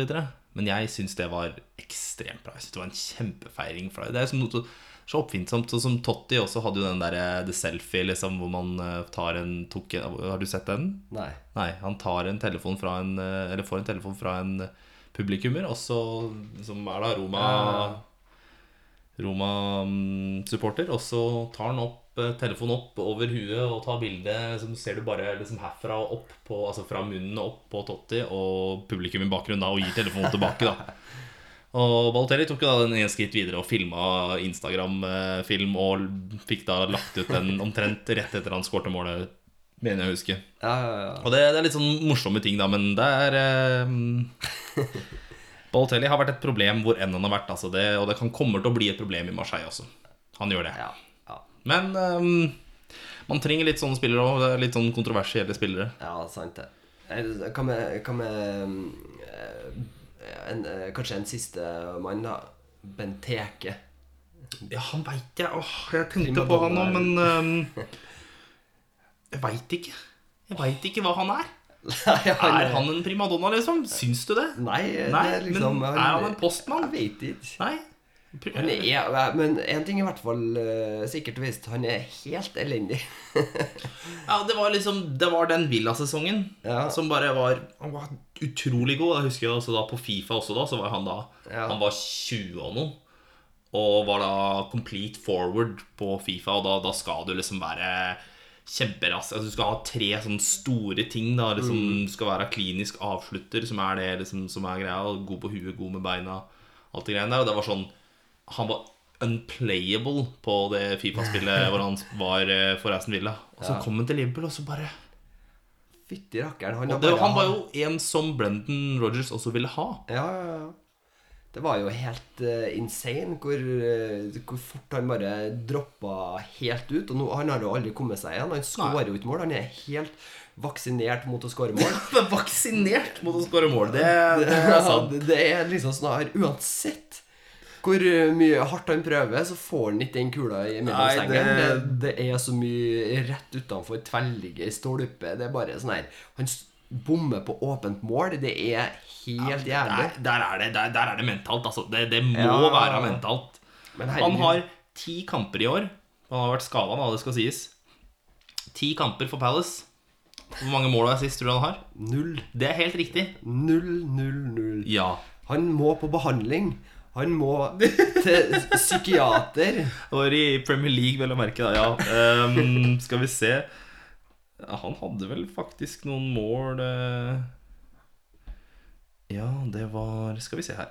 um, debutsesongen i Premier League, det var vel da under Aston Villa. Det var det. 19 mål. Ja, ja, ja. Andre sesongen, uh, også under Villa, 10 mål. Det er fortsatt bra. Det er fortsatt bra. Debutsesongen var jo helt insane, det Ja, skal sies. Um, 10 mål, ja. Um, tredje sesongen i Villa, der er det 13 mål. Også veldig bra.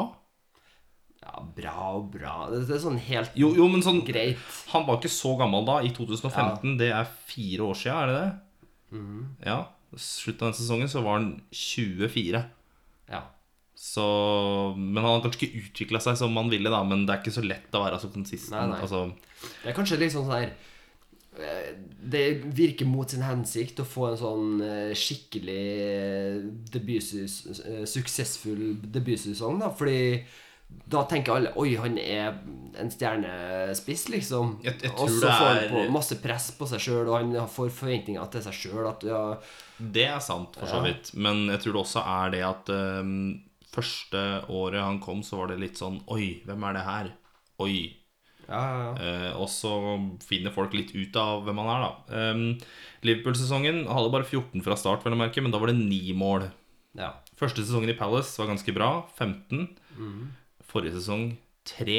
Og der, nå snakker jeg bare mål, altså Mm. målpoeng. Han har jo hatt noen assists opp igjennom, men jeg føler jeg ja. drakk ikke det så mye inn i ligninga her. Og da hadde han på 24 kamper, kan ta med assisten på forrige sesong, da. Tre mål og fem målgivende.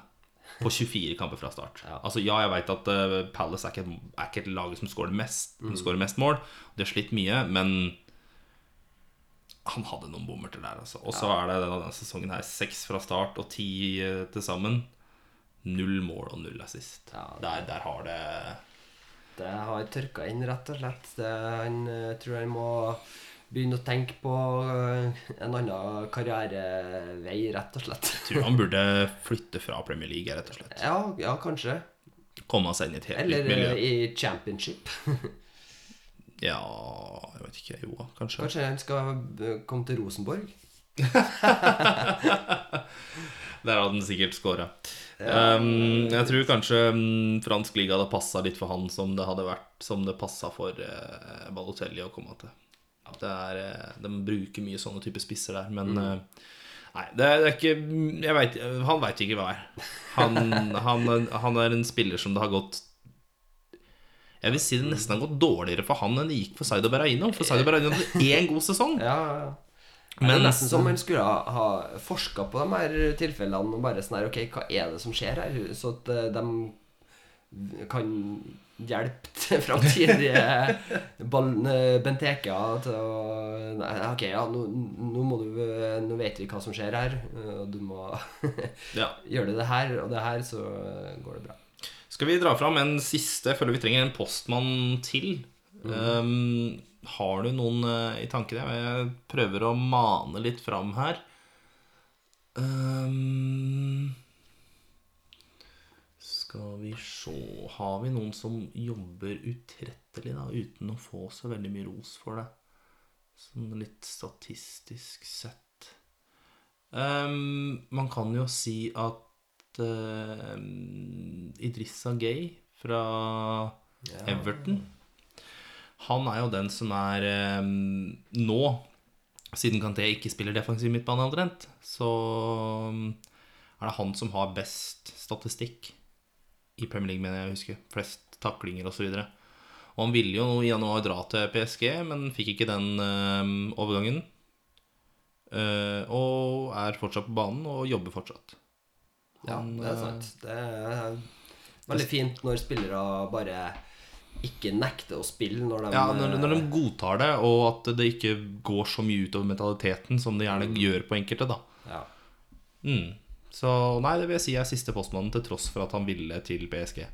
Som, fall, som er, det er det som er sagt. Ja. Ja. Nei, eh, skal vi um, avslutte der, kanskje? ja. Det var en fin, uh, fin måte å avslutte på. Ja.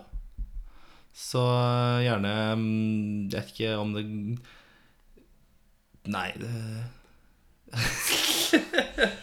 send inn Ja, spørsmål. hva, hva skal man eh, si på slutten av en podkast? Ja, send inn spørsmål, ja. Um, må kanskje lage en uh, mail først. Det har vi ikke gjort ennå. Det skal jeg få ordna, så den kommer da i beskrivelsen av denne du, podkasten. Ja, du må gi ut telefonnummeret ditt nå. Må gi ut telefonnummeret mitt nå, ja. Nei, det, det har jeg ikke tenkt å gjøre. Det Nei. Nei. Orker ikke bli ringt og sånn. Det hørtes slitsomt ut. Um, nei, jeg legger den ved i beskrivelsen av podkasten, og så gjerne send inn spørsmål, ja. Um, har, Det blir neste gang dere får sende inn eh, spørsmål. da Neste podkast. Ja, jeg skal prøve å få som sagt, jeg skal prøve å få den med i, eh, i eh, beskrivelsen av Ja, podkasten. det, så ja, det kan se, sjekke det der. Ja, send inn spørsmål om alt Ja. mellom himmel og jord. Det er er- greit. Vi skal ta, skal ta det vi klarer. Hvis det kommer noen i det hele tatt, så skal vi, skal vi ta opp de spørsmåla. Ja, det, her, er- det er vel det i utgangspunktet Jeg vet ikke om vi har, vi har diskutert litt om hvilken type podkast det skal være. Om det skal være en ren fotballpodkast, eller om hva det skal være. Men Jeg vet ikke, Det er ikke sikkert neste episode kommer til å dreie seg om fotball. da Nei, jeg har, jeg har et uh, tema angående fotball som jeg syns er veldig interessant, som vi kanskje skal ta neste gang. Men, eller som jeg i hvert fall har tenkt på at vi kanskje kan bruke. Men eh, vi får se hva det blir til. Ja. Yes, nei, men uh, hei da. Hei da.